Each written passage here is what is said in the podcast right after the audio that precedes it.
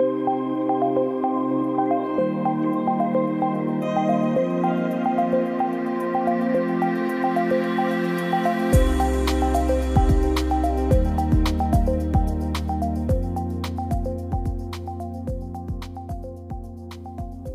mindenkit az AITK Podcast 10. adásán, az Antal József Tudásközpont külpolitika fókuszú online műsorán.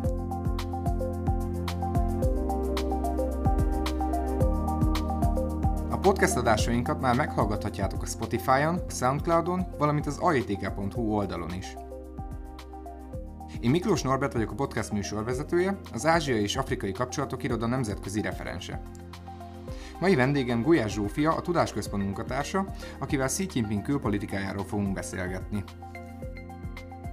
A diplomácia az állam akaratának koncentrált megnyilvánulása, mondta Xi Jinping államelnök a kínai népköztársaság jelenlegi külpolitikai és diplomáciai doktrinájának lefektetésére szolgáló külügyekkel kapcsolatos központi munkakonferencián 2018-ban. Mi is azonban a kínai állam valódi akarata, és milyen eszközökkel kívánja megvalósítani azt? A kérdésre már jóval korábban megvolt a kínai vezetés válasza, mint hogy egyáltalán felmerült volna a nemzetközi közösség részéről.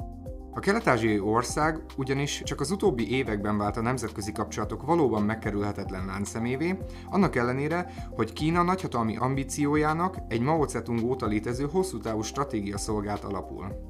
Ez szerint a kínai kommunista párt elsődleges célja és küldetése, hogy visszaszerezze Kína történelmileg megalapozott nagyhatalmi pozícióját, és ismét a globális erőviszonyok egyik legfőbb tényezőjévé tegye az országot.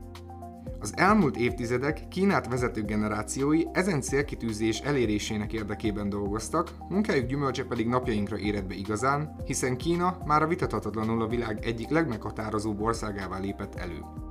Ezt a fejlődési folyamatot kísérte végig az ország belső hatalmi struktúráinak mindinkább látványos koncentrálódása a jelenlegi államelnök eddigi két hatalmi ciklusa alatt.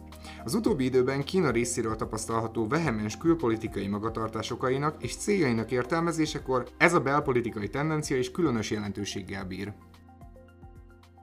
Üdvözöllek Zsófi, köszönöm, hogy elfogadtad a meghívást. Én is köszönöm.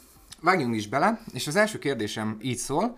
A Mao korszaktól kezdődően milyen külpolitikai irányvonalak voltak megfigyelhető Kína részéről napjainkig, és miért olyan különleges ez a Xi Jinpingi külpolitikai doktrina?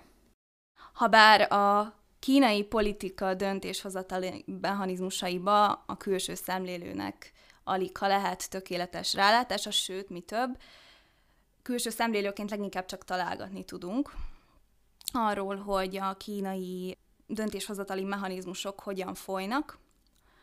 Azonban feltételezhetjük, hogy a kínai politikusok a kínai népköztársaság megalapulása óta viszonylagos következetességgel hosszú távú külpolitikai stratégiákban gondolkodnak.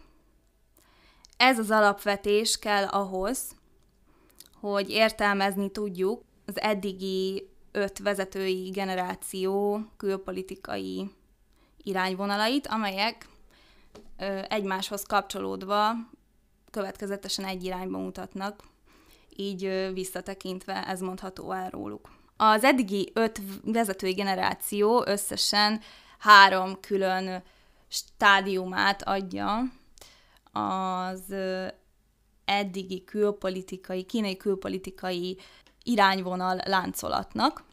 Három főbb stádiumot tudunk megkülönböztetni.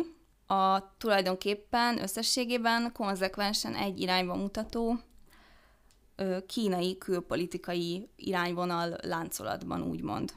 A hosszú távú kínai külpolitikai stratégia elsődleges célja az az, hogy Kína hosszú idő után visszanyerje nagyhatalmi státuszát a világban, amelyet a megaláztatás évszázadával vesztette, amely ugye az első ópium háborútól, az 1840-es évektől datálható, az 1940-es évekig egészen pontosan, 1949-ig, amikor is megalakult a kínai népköztársaság amely tulajdonképpen a kínai kommunista párt hatalomra jutásával véget vetett a kínai nép egy évszázadon áttartó, hosszú, megaláztató időszakának.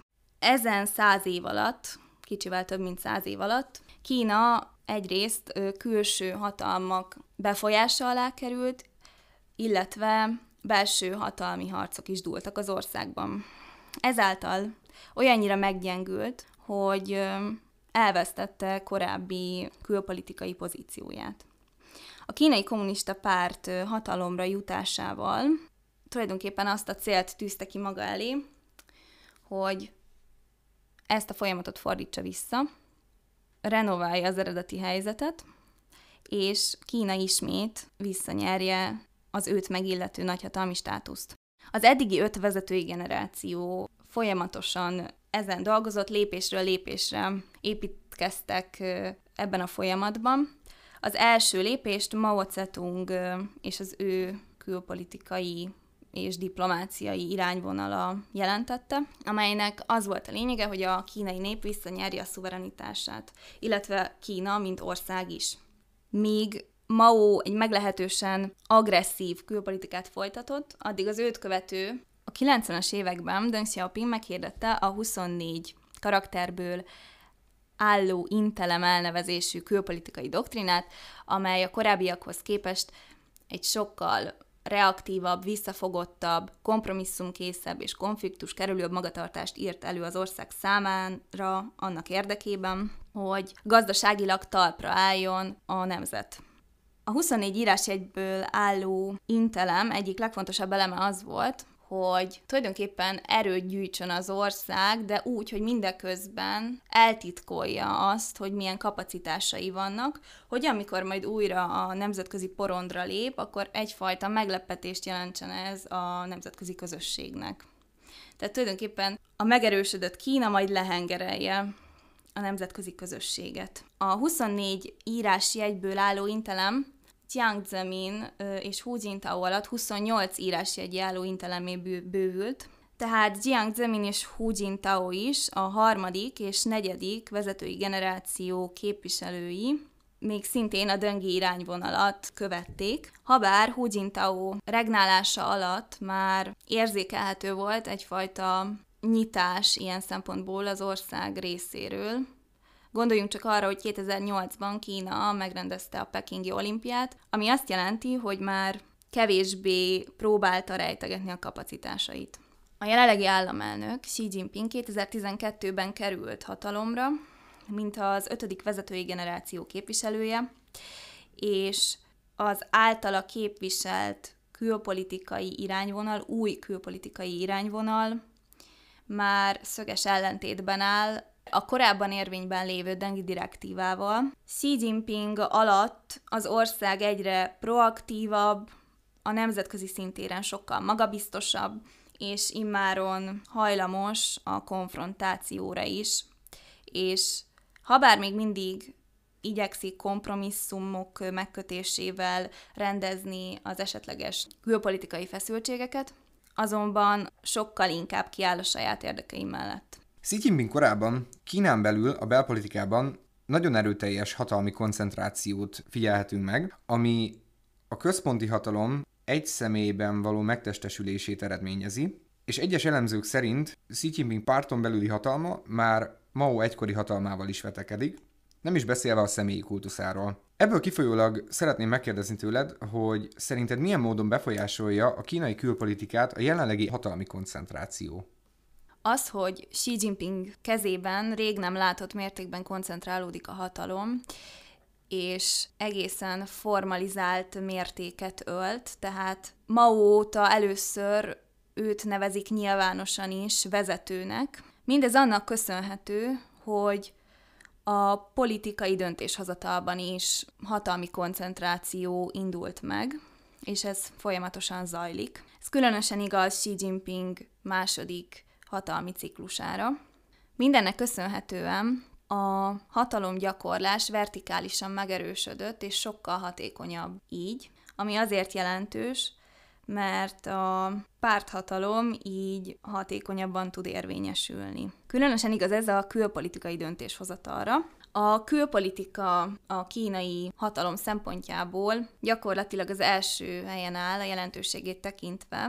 A külpolitika irányítója Kína de facto első számú vezetője, aki nem más, mint aki a kínai kommunista párt központi katonai bizottságának is az első számú embere. Az eddigi öt vezetői generáció alatt mindenki megtartotta ezt a központi katonai bizottsági vezetői posztot, még akkor is, hogyha más titulusairól le is mondott, mint például Deng Xiaoping. A külpolitikai döntéshozatalban végbe menő hatalmi koncentráció egyik legjelentősebb állomása 2018-ban volt, amikor sor került az állami és pártintézmények átstruktúrálását megcélzó második reformcsomag bevezetésére. Úgy alakították át az állami és pártintézmények struktúráját, hogy a külpolitikai döntéshozatalban egyértelműen markánsabb szerep jusson a pártnak, és a pártkontroll ezáltal növekedjen. Ennek eredményeképpen az imént említett vezetői munkacsoportokat korábban koordináló központi vezetői munkacsoportot bizottságá minősítették, és így alakult meg a külügyi bizottság, amely a párt központi bizottságának közvetlen irányítása alatt áll. A külpolitikai döntéshozatalban megjelenő hatalmi koncentráció másik jelentős állomása volt, amikor létrehozták a fejlesztési együttműködési ügynökséget, amely a külföldi segélyezésekkel kapcsolatos szabályok megalkotásáért és a, ezeknek a segélyeknek az allokációjáért felel. A fejlesztési együttműködési ügynökség előtt szervezete a kereskedelmi minisztérium alá tartozott, révő segélyekről van szó. Azonban a Fejlesztési Együttműködési Ügynökség már az államtanács, azaz kvázi a kormány hatásköre alá tartozik, és közvetlen a külügyminiszter ellenőrzi a tevékenységét. Így nyilvánvalóan jobban tud érvényesülni a külügyminiszter által képviselt hosszú távú külpolitikai irányvonal a segélyezésben. Gondoljunk csak ugye az egyövezet egy út kezdeményezésre. Az iménti gondolatmenetet folytatva érdemes lehet kicsit kitérni a kínai diplomáciára is, és azoknak főeszközeire, hiszen az elmúlt években felütötte a fejét az úgynevezett harci farkas, harcos farkas vagy wolf warrior diplomacy. Ezek alapján a diplomácia tükrében hogyan képes Kína érvényesíteni érdekeit, és mi is az a harci farkas vagy harcos farkas diplomácia? Ez is hozzátartozik Xi Jinping külpolitikai doktrinájához, vagy ez csak egy mellékterméke a kínai külpolitika csinálásnak? Tulajdonképpen inkább azt mondanám, hogy egy vonzata lett a harci farkas diplomácia, de mióta megszületett, gyakorlatilag azzal azonosítják a Xi Jinping féle diplomáciát. A Xi Jinping diplomáciával kapcsolatos gondolatai az új korszakra elnevezésű irányadó gondolatmenet tulajdonképpen. A 2018-as külügyekkel kapcsolatos központi munkakonferencián hangzott el először hivatalosan, úgy, mint egy része a Xi Jinping gondolatai a kínai sajátosságokkal rendelkező szocializmusról egy új korszakra címet viselő dokumentumnak. A harci farkas diplomácia úgy kapcsolódik mindehez, hogy egy pár évvel ezelőtt elkészült és megjelent kétrészes kínai akciófilm remek alapot szolgáltat ez a témakörhöz. A Wolf Warriors, illetve a Wolf, Wolf Warrior 2 című nacionalista érzelmű meglehetősen a kínaiak nemzeti öntudatára építő akciófilm tulajdonképpen Kína nagyhatalmi érdekeinek a filmre vitt adaptációja. Különösképp igaz ez a második részre, amely az elsőnél jóval hatásosabbra és nagyívűbbre sikerült, és az valóban egy meglehetősen egyértelmű kinyilatkoztatása a kínaiak részéről az ország nagyhatalmi törekvéseinek. Ez a kinyilatkoztatás egyrészt magának a kínai népnek szól elsődlegesen, de jelzésértékkel bír a nemzetközi közösség számára is. Mi szerint Kína ismét ringbe száll a nemzetközi hegemón szerepéért.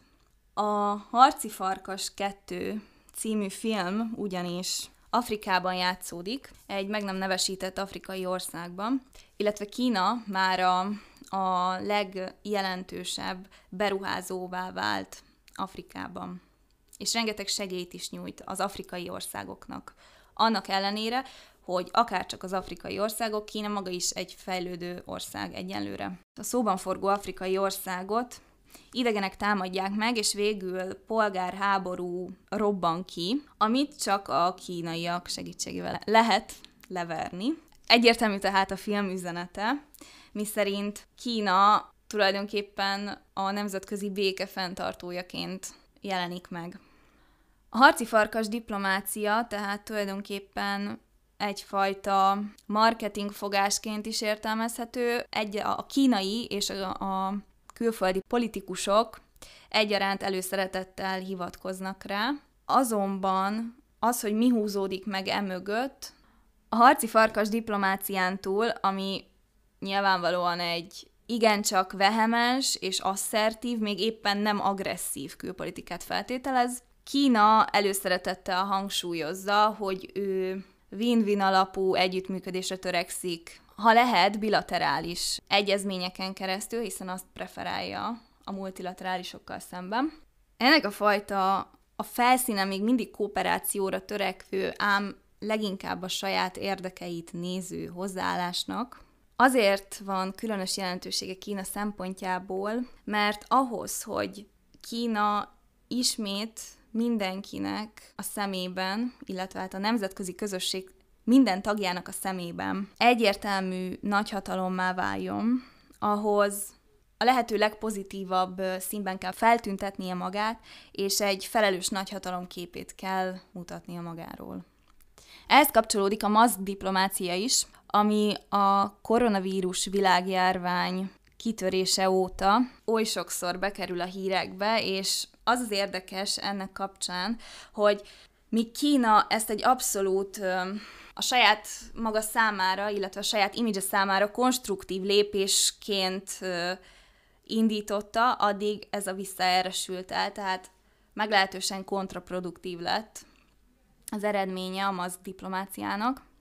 Ugyanis mióta pandémiával nőtte ki magát a koronavírus járvány, a kínai kormány egészségügyi felszereléseket küldött a világ különböző országaiba segélygyanánt, de ezzel párhuzamosan kínai magánvállalatok igen magas profit ellenében elkezdtek meglehetősen silány minőségű egészségügyi felszereléseket is értékesíteni a globális piacon, és ez a kínai kormány által nyújtott segély, illetve a gyenge minőségű, magas profitért piacra kerülő termék összemosódott a nemzetközi közvélemény szemében, és ilyen módon meglehetősen romboló hatással volt mindez a, a külföldiek által Kínáról alkotott képre. Mindezek alapján felmerülhet a kérdés, hogy mire számíthatunk Kínától az elkövetkezendő évtizedekben, legalábbis nemzetközi kapcsolatok és külpolitika terén? Itt nagyon sok befolyásoló tényező van, mint például az új Biden adminisztráció, a BRI projekt és annak haladása, az új RCEP megállapodás, amit aláírtak, vagy a legújabb fordulat a nemzetközi kapcsolatok terén az EU-Kína kereskedelmi megállapodás, ami szintén szerepet játszhat a kínai külpolitika alakulásában. Szerinted milyen irányvonalat fog követni az elkövetkezendő évtizedekben Kína külpolitikája? Összességében azt mondanám, hogy Kína innentől kezdve minél inkább igyekszik majd elköteleződni a nemzetközi szervezetek irányába, minél inkább igyekszik majd részt venni ezekben a szabadkereskedelmi megállapodásokban, a különböző egyezményekben, azért, hogy jelen legyen, azért, hogy egyfajta ellensúlyát képezze az USA-nak. Ami a, az új amerikai kormányzatot illeti, a Biden adminisztráció azt gondolom, hogy az irányvonalát tekintve nagy vonalakban egyezni fog a Trump által követett Kína politikával, viszont mindennek a tálalása, ha lehet ezt így mondani, az sokkal kifinomultabb lesz, és ez hosszú távon nehézségeket okozhat Kínának, vagy ha nem is nehézségeket, viszont sokkal nehezebb dolga lesz így, mint a Trump adminisztrációval szemben. Míg a Trump adminisztráció igyekezett kivonni magát úgymond a nemzetközi felelősségvállalás alól, tehát visszalépett a klímaegyezménytől, valamint visszalépett a TPP-től, addig a Biden adminisztráció már most látszik, hogy igyekszik újra elköteleződni a nemzetközi közösség és a közös és kooperatív probléma megoldás irányába. Ami a regionális átfogó gazdasági partnerséget, vagyis az RCLP-t illeti, ugye ez, ez 2020. november 15-én került aláírásra. Ez egyfajta alternatívája a transcsendes óceáni partnerségnek, és egy másik fajta megközelítése lehet a kooperációnak Kína részéről. Az Egyövezet egy út kezdeményezés, ami 2013-ban indult, és mostanra tulajdonképpen a föld lakosságának a 70%-a érintett ebben a geostratégiai és gazdasági kezdeményezésben, illetve hát projektben. Ugye alapvetően kritikai megközelítést alkalmazva azt a célt szolgálja, hogy a kínai extenzív növekedésből adódó termelési kapacitásokat elnyelje tulajdonképpen világszinten. A pandémia azonban egy új vetületet adott ennek a projektnek, és immáron a különböző termelési láncokon magasabb pozíciót képviselő beruházások is megvalósulnak a keretében.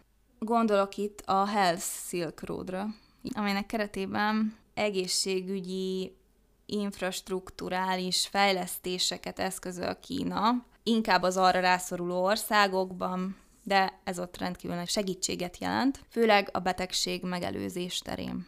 A tavaly december 30-án tett bejelentés, miszerint létrejön az EU-Kína átfogó beruházási megállapodás, viszonylag nagy port kavart, hiszen ezzel tulajdonképpen az EU kvázi elkezdett Kína felé húzni az USA kárára. Mindez pedig az USA számára egy újabb csatavesztést jelent a Kínával folytatott harcában, amely a minél kedvezőbb nemzetközi pozícióért zajlik.